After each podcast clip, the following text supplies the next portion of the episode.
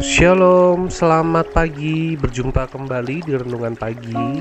Mari bersama kita mengucap syukur pada Tuhan untuk hari yang baru yang Tuhan berikan bagi kita di hari ini untuk boleh kita nikmati dan kita jalani bersama dengan Tuhan.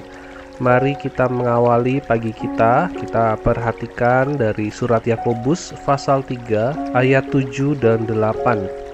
Semua jenis binatang liar, burung-burung, serta binatang-binatang menjalar dan binatang-binatang laut dapat dijinakkan dan telah dijinakkan oleh sifat manusia. Tetapi tidak seorang pun yang berkuasa menjinakkan lidah. Ia adalah sesuatu yang buas, yang tak terkuasai dan penuh racun yang mematikan.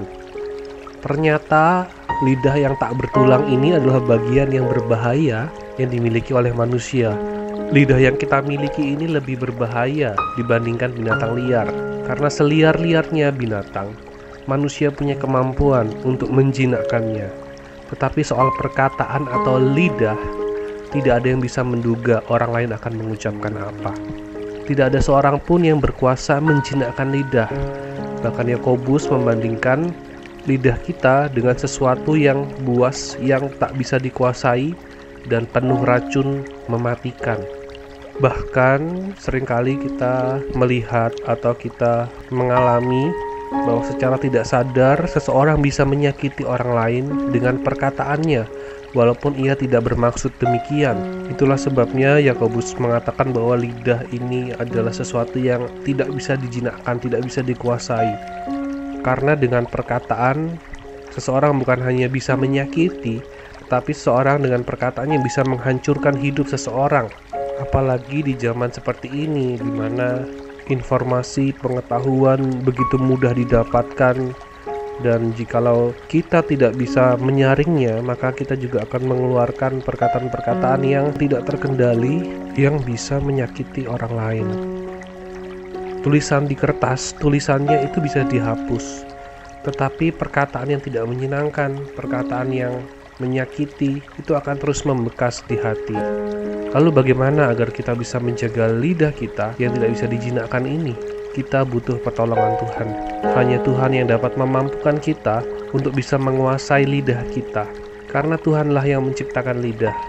Dan kita dapat berkata bahwa hanya Tuhan sendiri yang lebih berkuasa daripada lidah manusia kita perlu tunduk pada Tuhan, kita perlu mengingat firman Tuhan, kita perlu menghafal firman Tuhan, sehingga apa yang kita ucapkan itu adalah hasil perenungan kita bersama dengan Tuhan. Apa yang keluar dari mulut kita, apa yang kita ucapkan, itu merupakan hasil dari informasi-informasi yang kita dapatkan, yang kita dengarkan, yang kita baca. Oleh sebab itu, penting bagi kita di hari ini, di zaman informasi yang bisa begitu banyak kita terima, Mari kita luangkan waktu kita bukan hanya untuk mendengarkan renungan, tetapi kita secara pribadi juga merenungkan akan firman Tuhan, sehingga diri kita, pikiran kita boleh diisi akan kebenaran firman Tuhan, dan itu akan keluar dalam ucapan kita, itu akan keluar dalam kita meresponi apa yang terjadi di sekitar kita melalui perkataan kita.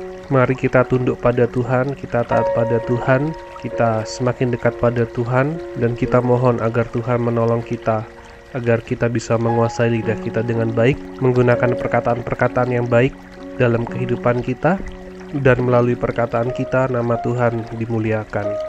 Mari kita berdoa. Bapa di surga, kami sungguh mengucap syukur dan terima kasih untuk hari ini kami boleh diingatkan kembali oleh firman-Mu. Tolong kami ya Tuhan, agar kami boleh senantiasa merendahkan diri kami di hadapan-Mu. Kami sungguh-sungguh bergantung padamu ya Tuhan. Tolong kami ya Tuhan, ingatkanlah kami ya Tuhan, agar kami memiliki waktu untuk dapat secara pribadi merenungkan firman-Mu mengingat akan firman-Mu dan kami boleh semakin mengenal Engkau ya Tuhan sehingga melalui perkataan kami orang lain bisa mendengar akan firman Tuhan. Melalui perkataan kami orang lain dapat merasakan kebenaran firman Tuhan.